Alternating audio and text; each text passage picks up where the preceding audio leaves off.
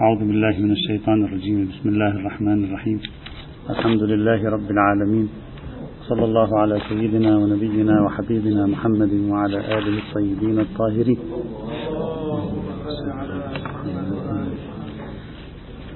اليوم فقط سوف نتكلم باختصار حول خاتمة هذا البحث بحث نظرية المصلحة.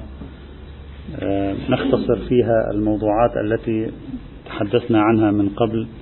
بأشد ما يمكن من الاختصار. نحن تقريبا حوالي ربما ثمانين درس آه، في فقه المصلحة إلى الآن.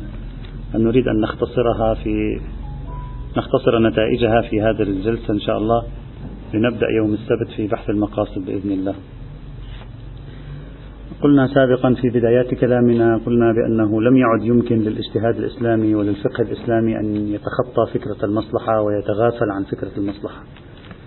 وأن فكرة المصلحة صارت يعني تحديا كبيرا أمام الفقه الإسلامي.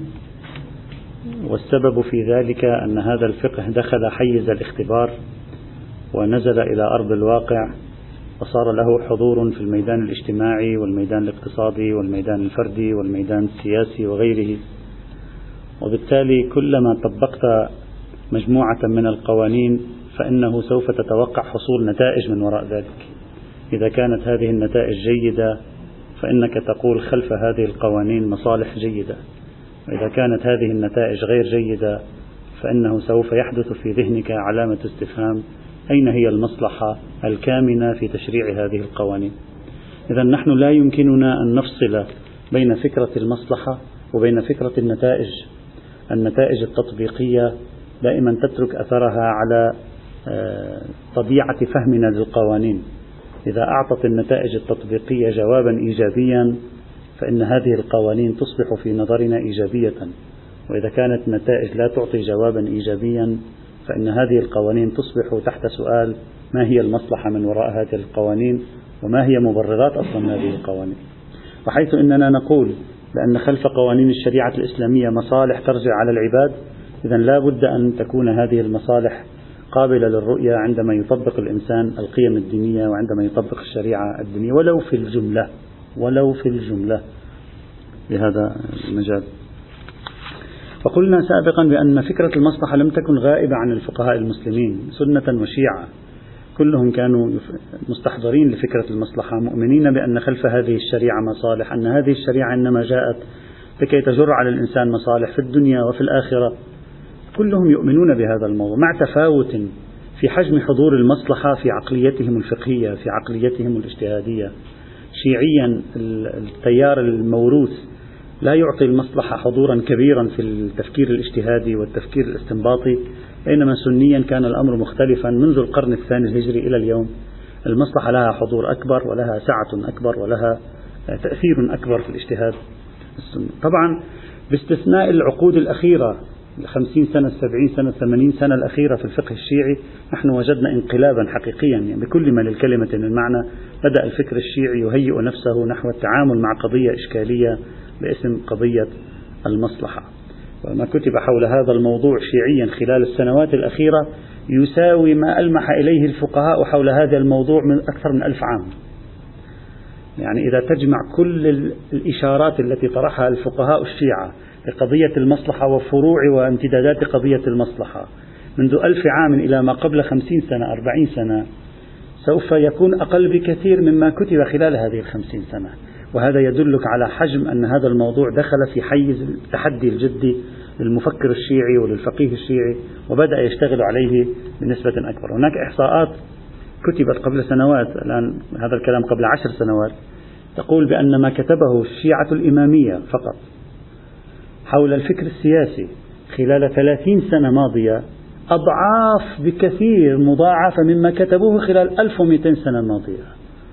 لو تجمع كل ما كتبوه خلال 1200 سنة الماضية لا يساوي في حجم الجدية والتفكير والتأمل والاهتمام والتفصيل والتفريع ما كتبوه خلال 30 سنة. لماذا؟ لأن القضية دخلت في حيز التحدي وبدأوا يواجهون أسئلة لا يمكنهم الفرار منها. بعد اليوم وبالتالي تصدى الفقيه وتصدى المفكر لكي يجيب عنها وهذا ما أدى إلى تنامي البحوث المتعلقة بهذه المواضيع. المسيرة التي مشينا فيها خلال هذه الدروس ربما ثمانين لا أذكر الآن ثمانين درس تقريبا كانت من خلال أربعة فصول أساسية. سأختصرها الآن خلال نصف ساعة إن شاء الله تعالى. في الفصل الأول درسنا نظرية المصلحة بوصفها أساسا تحتيا للشريعة. عبرنا عنه نظرية المصلحة بوصفها البنية الداخلية للشريعة. نفس الشريعة التي نزلت من عند الله تقف خلفها مصالح وجاءت لتحقق مصالح. والمولى سبحانه وتعالى عندما شرع هذه التشريعات كان قاصدا من وراء هذه التشريعات أن تتحقق للعباد مصالح في الدنيا فضلا عن الآخرة. هذه التي تسمى في علم الكلام الإسلامي وتسمى في علم الأصول والفقه الإسلامي بقاعدة تبعية الأحكام للمصالح والمفاسد. في هذا الموضوع الذي فصلنا فيه بعض الشيء أطلنا فيه بعض الشيء عادة هو مختصر خاصة في بحث الأحكام الواقعية. نظرا لأهميته فصلنا فيه. توصلنا إلى أن الأدلة النصية الأدلة التي في الكتاب والسنة تؤيدها مجموعة من الأدلة العقلانية والعقلية والمنطقية. توصلنا إلى النتيجة التالية أن فكرة المصلحة الكامنة خلف التشريعات تغطي تشكل مسارا واسعا في الشريعة الإسلامية. يعني نستطيع أن نقول إن أغلب الأحكام الإسلامية يبدو أنها جاءت تستجيب لمصالح راجعة على العباد في الدنيا. لكن مع الأسف الشديد لم يتوفر لدينا دليل عقلي ولا دليل عقلاني ولا دليل من الكتاب ولا دليل من السنة. يثبت لنا بالضرورة يعني أن جميع الأحكام خلفها مصالح ترجع على العباد في الدنيا. ربما تكون خلفها غايات للمولى لا ترجع على العباد أنفسهم وإنما ترجع على غيرهم أو ربما لنكتة ما. لم نتمكن من العثور على دليل لا دليل عقلي ولا دليل نقلي ولا ما شابه ذلك في هذا المجال. لكن لم نحصل على أي إشارة لا في الكتاب ولا في السنة تدل على أن المولى سبحانه وتعالى شرع شرائع لغير المصالح العباد أيضا في نفس الوقت. ليس عندنا دليل على ذلك. ولذلك قلنا بأن الراجح أن الشريعة برمتها جاءت لكي تحقق مصالح تعود على العباد في الدنيا والآخرة. هذا هو الراجح وفي الأعم الأغلب هذا قطعي لكن في الجملة في الجميع هذا راجح ولا يوجد دليل على عكس ذلك على الإطلاق. وشرحنا هناك معنى أن خلف هذه الأحكام مصالح وقلنا لا يقصد بالمصالح المصالح الفردية فقط وإنما فكرة المصالح تتسع للمصالح الفردية والمصالح النوعية.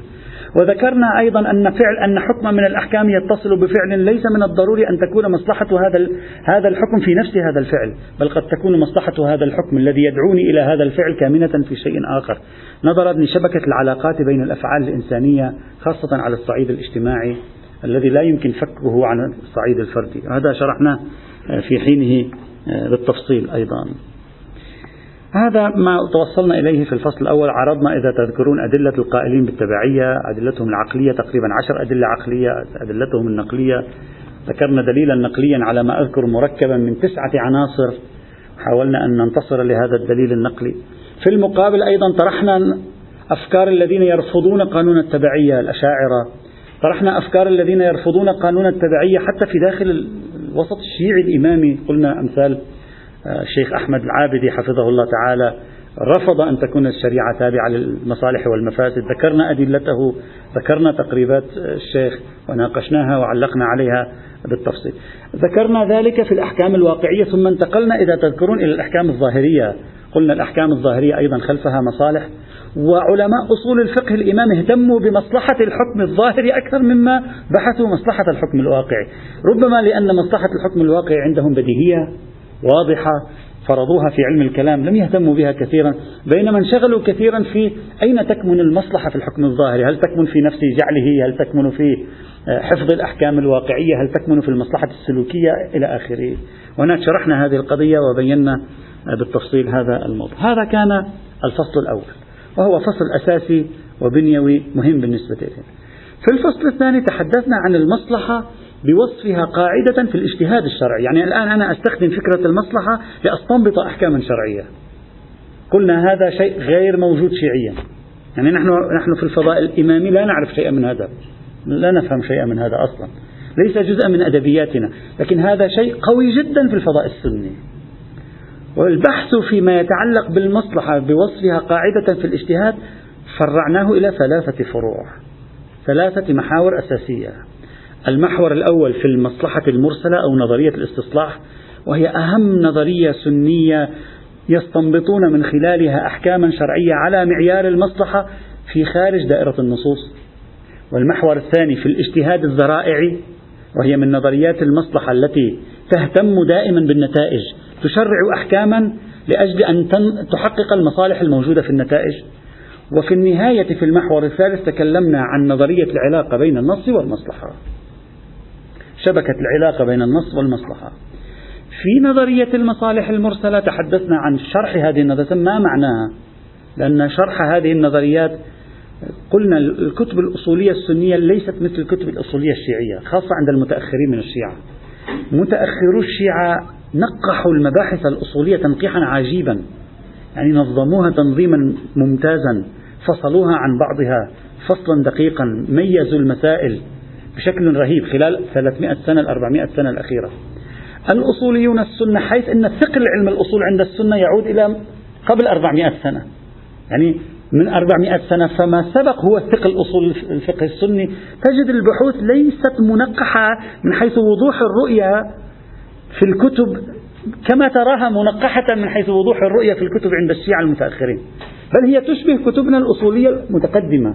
تجد فيها تشويشا تجد فيها عدم وضوح أحيانا تداخلا. لذلك كنا نضطر أن نشرح ما معنى المصلحة المرسلة لأن مفهوم ليس من السهولة أن تلتقطه. وكذلك شرحنا معنى الاجتهاد الذرائعي لأن قلنا الاجتهاد الذرائعي مفهوم متداخل مع عدة قواعد أصولية إذا تذكرون. سأشير إليها الآن. ميزناها عن الاجتهاد الذرائعي. إذا في البداية شرحنا معنى المصالح المرسلة فككنا هذه النظرية ماذا يريد منها الفقيه السني؟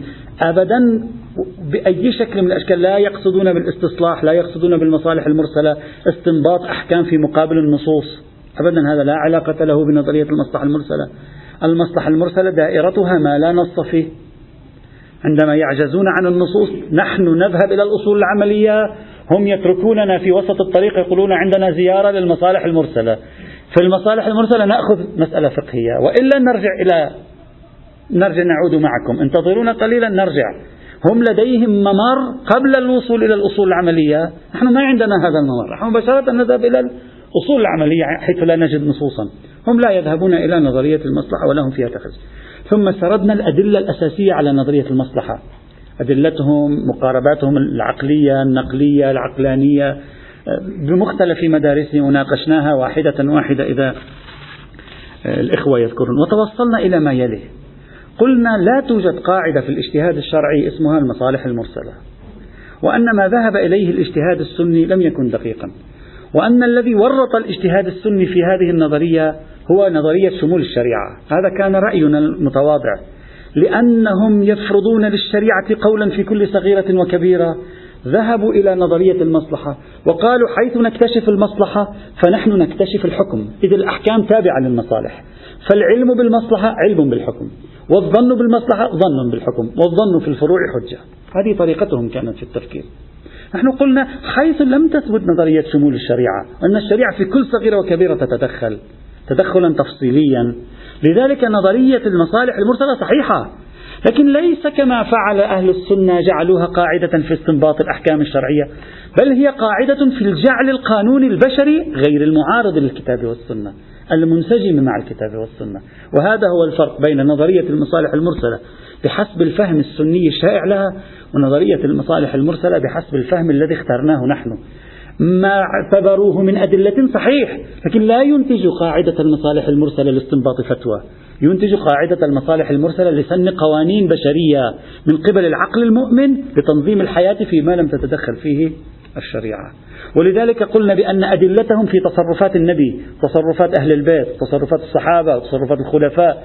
هذه الأدلة التي اعتبروها دليلا على المصالح المرسلة تؤكد فكرتنا أن هؤلاء عندما لم يكونوا يجدوا نصوص كانوا هم ينشئون تشريعات لتنظيم الحياة بما لا يتعارض مع النصوص وبما يخدم أهداف الشريعة. هذا الذي توصلنا إليه اعتمادا على وجود منطقة حقيقية في الشريعة اسمها منطقة الفراغ. هذا كان المحور الأول. المحور الثاني من الفصل الثاني هو عبارة عن الاجتهاد الذرائعي فتح الذرائع سد الذرائع. حاولنا في البداية طولنا كثيرا شوي في بداية هذا البحث لنميز بين هذه القاعدة وسلسلة من القواعد الأخرى التي وقع خلط بينها مقدمة الواجب ومقدمة الحرام. ما الفرق بينها وبين اجتهاد الذرائع؟ بعضهم قال أصلا اجتهاد الذرائع هو نفسه هذه. ما الفرق بين الاجتهاد الذرائعي الذي آمنت به المالكية وفكرة الاجتهاد الوسائلي الذي آمنت به الشافعية؟ ميزنا بينهما أيضا. ما الفرق بين الاجتهاد الذرائعي وبين قاعدة حرمة التعاون على الإثم وحرمة الإعانة على الإثم أيضا؟ بعض العلماء حتى خصوصا في أوساطنا نحن يقولون وقاعدة الاجتهاد الذرائعي ليست شيئا إلا باب التعاون على الإثم وهذا ليس صحيحا. كل هذه النظريات تتداخل مع الاجتهاد الذرائعي. لكن أي واحد منها ليس هو الاجتهاد الذرائعي كما قلنا آه، في محله ميزنا بينها بين هذه. كذلك ميزنا بين الاجتهاد الذرائع وبين قانون التزاحم. قلنا الذين يفكرون ذرائعيا لا ليس تفكيرهم هو نفسه فقه الأولويات أو نفسه آه، قاعدة التزاحم آه، أو العناوين الثانوية أو ما شابه ذلك. بعد أن شرحنا فكرة الاجتهاد الذرائع التي لبها وروحها على الشكل التالي الفقيه الذرائعي المالكي والحنبلي بالخصوص لأن هؤلاء الذين يميلون إلى الفقه الذرائعي ماذا يفعل؟ يكتشف الأحكام من خلال النتائج. ينظر في نتيجة في نقطة معينة يقول هذه ثبت تحريمها. إذا لابد أن نحافظ عليها. مصلحة الحفاظ عليها تتطلب تحريم كل الطرق التي توصل إليها. وهذا معنى سد الذرائع. يجب تحقيق فعل معين. هذا الفعل مصلحته مطلوبة. كيف أصل إلى تحقيق هذه المصلحة؟ كل الطرق تصبح مفتوحة. بل قد تصبح مستحبة بل قد تصبح واجبة. هذا معنى سد الذراع لذلك قلنا نظرية سد الذراع تندرج ضمن خط عريض في الاجتهاد السني اسمه الاعتبار بالمآلات. يعني ينظر الفقيه إلى الغاية التي هناك مكمن المصلحة فيها يفكر في الطرق التي قد تورطنا في الغاية هذه المحرمة أو في الطرق التي توصلنا يبدأ يفتح الطرق أو يسد الطرق. طريقة ميكانيكية ممتازة رائعة حقيقة. تنم عن عقل أنا في تقديري مهيب يفتخر به الاجتهاد الإسلامي حقيقة. لكن مع الأسف لا تؤدي إلى استنباط أحكام شرعية. ذكرنا جميع أدلتها خاصة دليل الاستقراء اللي هو أهم دليل اشتغل عليه أمثال ابن تيمية وابن القيم الجوزية وقلنا هذه الأدلة برمتها مع الأسف الشديد لا تصلح لإثبات قاعدة من هذا النوع. لكن قلنا نظرية الاجتهاد الذرائع تنفع في باب منطقة الفراغ. أن الفقيه أو ولي الأمر يستطيع في باب منطقة الفراغ الحقيقية حيث أن الشريعة ليست شاملة أن يستخدم الاجتهاد الذرائع. لماذا؟ لأن الاجتهاد الذرائع عبارة عن اجتهاد منطقي مئة بالمئة. في الجملة في الجملة منطقي وجميع عقلاء العالم يستخدمون هذه الطريقة في الجملة وشرحنا ذلك بالتفصيل. فيمكن حينئذ للمقنن المؤمن أن يسن قوانينه آخذا بعين الاعتبار هذه الآلية المنطقية وهذه الآلية العقلانية ليحرم شيئا هنا أو يجيز شيئا هنا أو يفتح شيئا هنا أو يسد شيئا هنا لكن دون أن ينسبه للشرع. هذه هي نقطة الاختلاف بيننا وبين الاجتهاد الذرائع ما في دليل على أن الاجتهاد الذرائع يخولنا أن ننسب تحريم المقدمات إلى الشريعة. لم يوجد دليل. لكن يوجد دليل يقول بإمكان من فوض أن يقنن بشريا أن يستخدم هذه الطريقة حينما يراها ضرورية. وهذه طريقة منتجة ومفيدة. هذا أيضا ما ذكرناه في الاجتهاد الذرائعي أما في الفصل المحور الثالث إذا صار عندنا الفصل الأول المصلحة بوصفها أساسا للتشريع. الفصل الثاني المصلحة بوصفها قاعدة في الاجتهاد الشرعي. ذكرنا ثلاثة خطوط. الخط الأول المصالح المرسلة. الخط الثاني الاجتهاد الذرائعي. الخط الثالث العلاقة بين النص والمصلحة. طرحنا في العلاقة بين النص والمصلحة نظرية الإمام الطوفي في رسالته في رعاية المصلحة وهي النظرية التي أثارت ضجة كبيرة عليه إلى اليوم. منذ 700 سنة إلى اليوم وهي تثير, تثير ضجة عليه. حاول بعض الفقهاء إحياء هذه النظرية في أول القرن العشرين لكن في آخر القرن العشرين سددوا ضربة لها وقضوا عليها مرة أخرى ما قبلوها في الفضاء السني. قلنا ما هي تحليل نظرية الطوفي؟ توقفنا عندها بالتفصيل. ما هي تحليل نظريته؟ ما هي مبرراته؟ كيف اعتمد على حديث لا ضرر؟ وكيف فهم حديث لا ضرر على أنه يؤصل تقديم المصالح على النصوص؟ وهذا كلام خطير. كيف يميز بينه وبين الاجتهاد في مقابل المصلحة في مقابل النص؟ ثم بعد ذلك حاولنا أن نجيب عن جميع الإشكاليات التي سجلت عليه. تقريبا ربما عشر إشكاليات أوردت على الطوفي أنك أنت تقدم المصلحة على النص وهذا لا يجوز. وأجبنا عن هذه الإشكاليات تقريبا أغلبها. وقلنا بأنه يمكن لنا أن نعيد صياغة نظرية الطوفي بشكل يجعل الطوفي أحد أركان نظرية المقاصد. لكن مع الأسف لا يذكرونه في تاريخ نظرية المقاصد. ومع الأسف لا ابن تيمية ولا ابن قيم الجوزية ولا الشاطبي فيما بعده بقريب هم جيل تلامذته لم يأتوا على ذكره على الإطلاق. مع أن نظريته تقبل أن تكون حلقة من حلقات سلسلة تاريخ نظرية المقاصد. وأنا اعتقدت بأن الطوفي لا يريد إلا تأصيل شيء مثل نظرية المقاصد. وبإمكاننا إعادة شرح نظريته بطريقة تجعلها في سياق تاريخ نظرية المقاصد الشرعية وبالتالي تصبح مقبولة. لكن لا بمعنى أن الرجل يريد أن يهدم النصوص. هكذا مزاجا. بل بمعنى أنه يجمد النصوص انطلاقا من مفهوم مقاصدي. سوف يأتي الحديث عنه في القسم الثاني من هذه الدروس إن شاء الله تعالى. ثم عرجنا عن نظرية الإمام الخميني. وقلنا نظرية الإمام الخميني أيضا الذي طرحت قال بعض المعاصرين بأنها هي نفس نظرية الطوفي وحللنا نظريته وحاولنا أيضا أن نفسرها على طريقة جديدة يمكن إيجاد تخريج فقهي لها وحاولنا أن نذكر عناصر التشابه بين نظرية الطوفي ونظرية الخميني وعناصر الامتياز بنظرية الطوفي ونظرية السيد الخميني وبعد ذلك قلنا منطلقات هذا تختلف عن منطلقات هذا منطلقاته مقاصدية هذا منطلقاته دليل جعل الولاية قلنا تختلف المنطلقات شرحنا الفصل بينهما. والنتيجة كانت تقديم النص على المصلحة على النص مرفوض إلا ضمن إعادة صياغة نظرية الطوفي أو إعادة صياغة نظرية الإمام الخميني بالطريقة التي بيناها. هذا كان الفصل الثاني. الفصل الثالث. في الفصل الثالث تحدثنا عن نظرية المصلحة بوصفها قاعدة في الإدارة التطبيقية للشريعة. يعني عندما أريد أن أطبق الشريعة الآن نظرية المصلحة تأتي تساعدني. لا في الاجتهاد والوصول إلى الشريعة وفهمها لا في استنباط أحكام الشريعة في تطبيق الشريعة في الخارج. لذلك عبرنا عنها. المصلحة بوصفها قاعدة في الإدارة التطبيقية والسياسة الشرعية. هكذا سميناها. في هذا البحث تكلمنا في محورين. المحور الأول فقه الأولويات وقواعد التزاحم. وتحدثنا في البداية عن تاريخ فقه الأولويات وكيف أن فقه الأولويات خلال أربعين سنة الأخيرة بدأ ينهض من جديد بدأ يأخذ نشأة جديدة وصارت تكتب كتب تحت عنوان فقه الأولويات. طبعا اصطلاح فقه الأولويات لعل الرجل الذي يعود إليه الفضل في نحت هذا المصطلح أو في الترويج لهذا المصطلح هو الشيخ القرضاوي في الحقيقة. في الفضاء الشيعي نحن لا نستخدم كلمة فقه الأولويات غالبا نستخدم الأهم والمهم نستخدم آه، قاع التزاحم هكذا نستخدم لكن هو نحت هذا المصطلح وفي الحقيقة هذا المصطلح أجمل من كلمة قواعد التزاحم كجمالية. فقه الأولويات تعبير أجمل من تعبير قاع التزاحم حتى تفهم الواحد تزاحم ما معناه صعبة. لكن كلمة الأولويات مفهومة معقولة متداولة منطقية. أعتقد هذا التعبير لعله يكون أسهل وأجمل من تعبير قاع التزاحم أو ربما حتى قاعدة الأهم والمهم مثلا. ثم تحدثنا عن ضرورة البحث في فقه الأولويات أهمية البحث في فقه الأولويات. أين نحن من بحث فقه الأولويات؟ لماذا نحن مقصرون في بحث فقه الأولويات؟ وذكرنا قواعد فقه الأولويات. معيار أن يكون شيء مقدم على شيء آخر. حكم في مقام التطبيق مقدم على حكم آخر. ذكرنا معيار قاعدة البدائل. ذكرنا قاعدة تقديم المشروط بالقدرة العقلية على المشروط بالقدرة الشرعية. ثم ذكرنا معيار الأهمية. وقلنا المعايير الأخرى إما لا قيمة لها غير صحيحة. وإما إذا كان لها قيمة فهي قيمة جزئية. وإما ترجع إلى معيار الأهمية. معيار الأهمية هو العمدة في فقه الأولويات وقواعد التزاحم.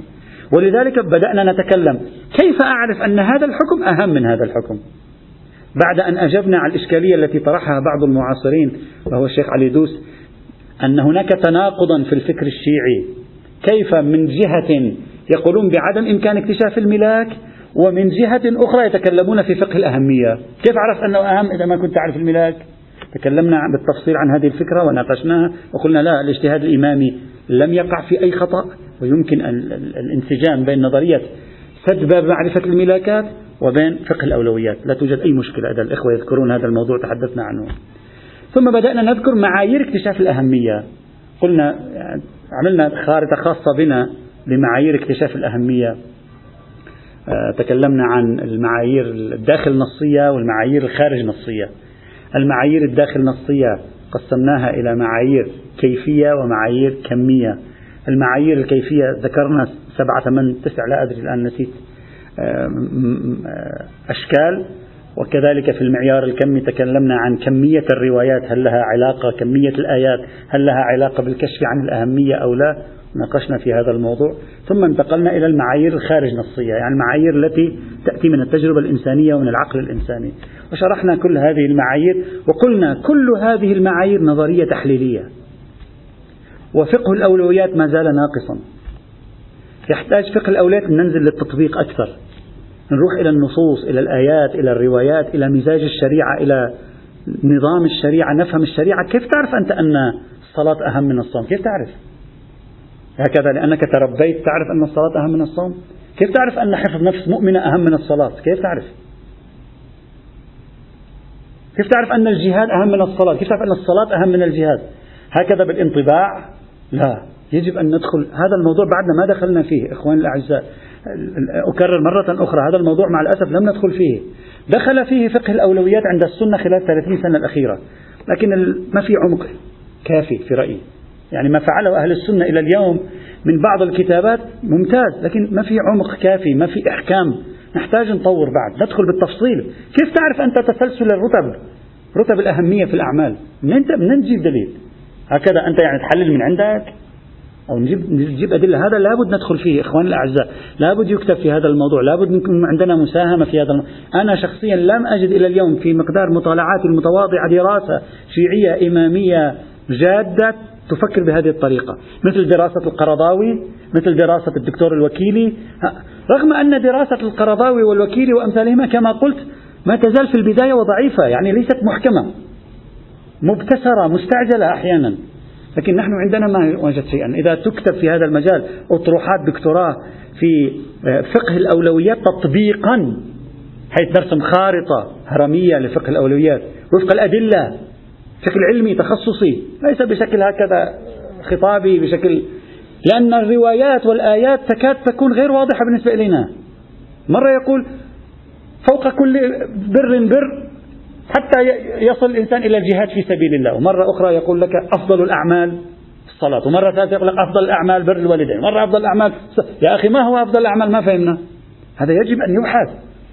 نشتغل نشوف ما معنى هذه الروايات؟ ما كيف نفهم هذه الروايات؟ كيف نحولها إلى مجموعات؟ كيف نحقق في أسانيدها؟ في دلالاتها؟ ما ما ينفع عند من عندك تقول لي هذا أولى وذاك أولى. هذه النقطة ركزنا عليها كثيرا قلنا هذا الباب ما زال ذكر غير مفتوح. أي شخص يكتب فيه وتكون عنده مساهمة جادة أعتقد في فضائنا الشيعي سوف يكون قد قدم خدمة جليلة آه، في هذا الموضوع. إذا تعرضنا لهذا الموضوع. ثم بعد ذلك انتقلنا إلى توابع توابع فقه الأولويات. تحدثنا عن قاعدة دفع الأفسد بالفاسد قسمناها إلى معنيين معنى مقبول ومعنى مرفوض. قلنا هذه قاعدة مهمة جدا خاصة في معناها الثاني آه، موضوع دفع الأفسد بالفاسد. تكلمنا بعد ذلك عن نظرية أولوية الحرام على الواجب أو أولوية الواجب بما هو واجب على الحرام بما هو حرام. قلنا في معركة هنا بين ابن تيمية وبين الشاطبي وهذه طرحت في الفقه السني عندنا لم تطرح لأن علماءنا على ما يبدو يعني لا يرون وجود قاعدة اسمها تقدم الواجب بما هو واجب على الحرام بما هو حرام أو الحرام بما هو حرام على الواجب كقاعدة أولية. والحق ما ذكره هؤلاء أنه لا توجد عندنا قاعدة لا ابن تيمية مصيب ولا الشاطبي مصيب. ذكرنا أدلة الفريقين وناقشنا أدلة الفريقين ما وجدنا يوجد شيء مقنع. أيضا قاعدة ثالثة كانت من توابع هذه القاعدة قاعدة درء المفسدة أولى من جلب المصلحة. هذه قاعدة مهمة جدا. درء المفسدة المعلومة درء المفسدة المحتملة أولى من جلب المصلحة المعلومة أولى من جلب المصلحة المحتملة. قلنا هذه مهمة جدا وبحثناها. ثم ختمنا بعد ذلك بالتمييز والتقارب بين نظرية تزاحم وفقه الأولويات وما, وما يسمى بالغاية تبرر الوسيلة أو ما يعرف بالمذهب الميكيافيلي ما الفرق بينهما؟ ما عناصر الاشتراك؟ ما عناصر؟ بعضهم قال لا, لا يوجد علاقة بينهما وبعضهم قال هذه هي هذه وصار يشن هجوم على الفقه الإسلامي. قلنا الفقه الإسلامي يقبل بمبدأ الغاية تبرر الوسيلة لكن له شروطه له قواعده له ضوابطه بحيث تصبح قاعدة المبدأ الغاية تبرر الوسيلة عند الفقه الإسلامي أضيق بكثير من القاعدة في, في أماكن أخرى. وبينا وشرحنا هذا الموضوع في حينه هذا كان الفصل الثالث المحور الأول فقه الأولويات. الفصل الثالث المحور الثاني كان المصلحة بوصفها أساسا في السياسة الشرعية. يعني في الحكم الولائي في السلطة في ممارسة السلطة. قلنا هذا البحث لأنه متداخل متشابك جدا. مع مباحث الفقه السياسي لا نستطيع أن نذهب به إلى النهاية.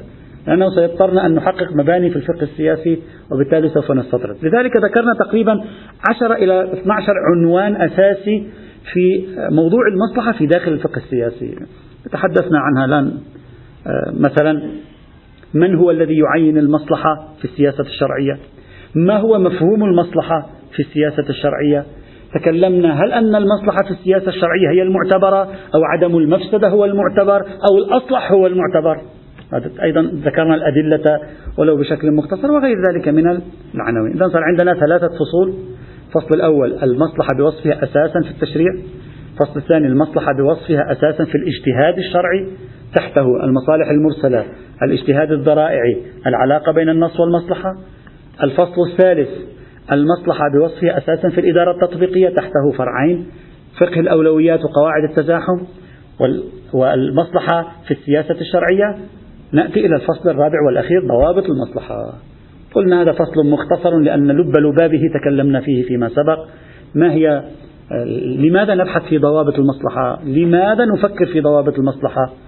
هذا تحدثنا عنه. وتحدثنا عن بعض الضوابط أن يكون في سياق مقاصد الشريعة أن لا يعارض كتابا ولا سنة أن لا تؤدي المصلحة التي نريد أن نبني عليها سواء في الاجتهاد أو في السياسة الشرعية إلى حذف مصلحة أهم. بينا هذه الأطروحة التي تحدث عنها البوطي الشيخ البوطي وعلقنا عليها أيضا. ثم بعد ذلك تحدثنا عن مخاطر فقه المصلحة. هذا فقه المصلحة نضع له ضوابط لأن في مخاطر في هذا الفقه. ويجب أن نكون قلقين فعلا من مخاطر هذا الفقه. وأن لا نفتح باب فقه المصلحة بطريقة غير منضبطة حتى لا نتورط في تجاوز الحدود المرسومة في الشريعة الإسلامية. والنتيجة أن فقه المصلحة بحث مهم جدا في دراساتنا.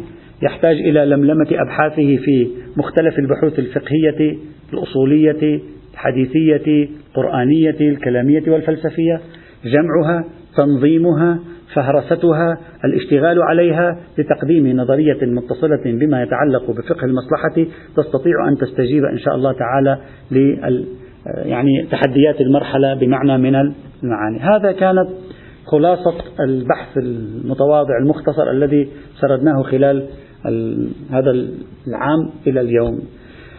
ابتداء من يوم السبت إن شاء الله تعالى سوف نتكلم عن نظرية المقاصد. لأن نظرية المقاصد نظرية في, في وسطنا الإمامي عادة غير معروفة. فقط نعرف منها عنوانها. المقاصد وهناك أهداف هكذا بشكل عام. إذا تسأل أي طالب ما هي نظرية المقاصد فهو يعرف عنوان فقط يعني كل هكذا يعني فكرة عامة إجمالية. لأجل أنه يحتاج أولا إلى تصورها حتى لا نخطأ في الحكم عليها. ولأجل أن هذه النظرية ولدت ونمت وترعرعت وشابت ربما في الفضاء السني منذ ألف عام إلى اليوم ولأجل أنها اليوم تعد نظرية في غاية الأهمية في الوسط السني وبدأت بدأوا بإحيائها في الوسط الشيعي مؤخرا. لذلك في البداية سوف أركز شغلي على شرحها. شرحها تحليل مسارها التاريخي من أين بدأت؟ وكيف نمت وتطورت؟ وماذا يقصدون منها؟ وما هي تقسيماتها؟ وما يعني كأنما نشرحها ثم بعد ذلك نبدأ بقواعد هذه النظرية بناءاتها التحتية خاصة نظرية الاستقراء عند الشاطبي. ما هي البناءات التحتية لها؟ ما هي أدلتها؟ ما هي مبرراتها؟ ثم نرى هل هذه النظرية مقبولة غير مقبولة؟ تنفع؟ لا تنفع؟ تحل مشاكل الفقه الإسلامي اليوم؟ أنصارها يقولون تحل مشاكل.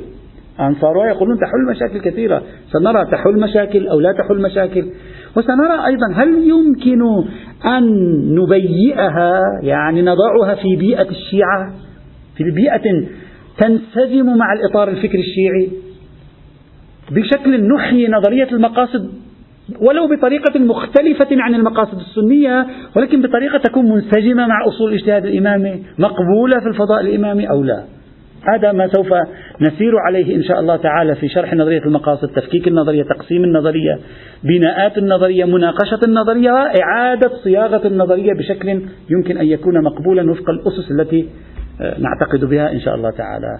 هذا القسم الثاني من هذا العام أعتقد سوف يكون من حظ هذا الموضوع يعني من اهتمام هذا الموضوع إن شاء الله تعالى. الإخوة الذين يريدون المراجعة أنا أعطيت في بداية هذا العام مجموعة من الكتب حول نظرية المقاصد كتب الريسوني كتب طه جابر العلواني كتب الشاطبي. أنا سأتوقف كثيرا عند الشاطبي سأشرح نظريته سأفكك كتاب الموافقات اللي هو عمدة تفكير الشاطبي. سأفكك سأبسطه يعني سأحاول قدر الإمكان أن يعني أبذل جهدا لأوصل الفكرة, الفكرة لكم بسلاسة وسهولة حتى لا يشعر الإنسان بتشوش لأن الموضوع فيه شيء من التشوش كما سوف ترون. سأبسطه إلى قدر كبير لكن أنصح الإخوة إذا أحبوا يقرأوا بعض كتب الريسوني يعني كتب تساعد كتب الريسوني طه جابر العلواني إصدارات الإصدار الذي أصدره سماحة الشيخ الدكتور رفاعي حفظه الله تعالى في مجلة قضايا إسلامية معاصرة حول مقاصد الشريعة أيضا هذا ينفع. وكذلك كتاب الموافقات للشاطب إذا أخوة عندهم مزاج يطالعونه. يطالعونه. المطالعة هو ليس كله في المقاصد لكن رائحة المقاصد في كل في كل صفحاته. المطالعة. هو بنى علم الأصول بطريقة جديدة يعني كتب علم أصول الفقه بشكل آخر غير غير الذي كان يكتبه الغزالي والجويني والفخر الرازي وغيرهم مثلا كتبه بطريقة أخرى. أسلوب في تدوين علم الأصول لا بأس بمطالعته. حلو يعني إذا إخوة عندهم وقت في آخر الليل أول الصباح مطالعة هذه التجربة تجربة جيدة حتى نتهيأ لي إن شاء الله شرحها والتعليق عليها وتحليلها إن شاء الله رب العالمين. والحمد لله رب العالمين.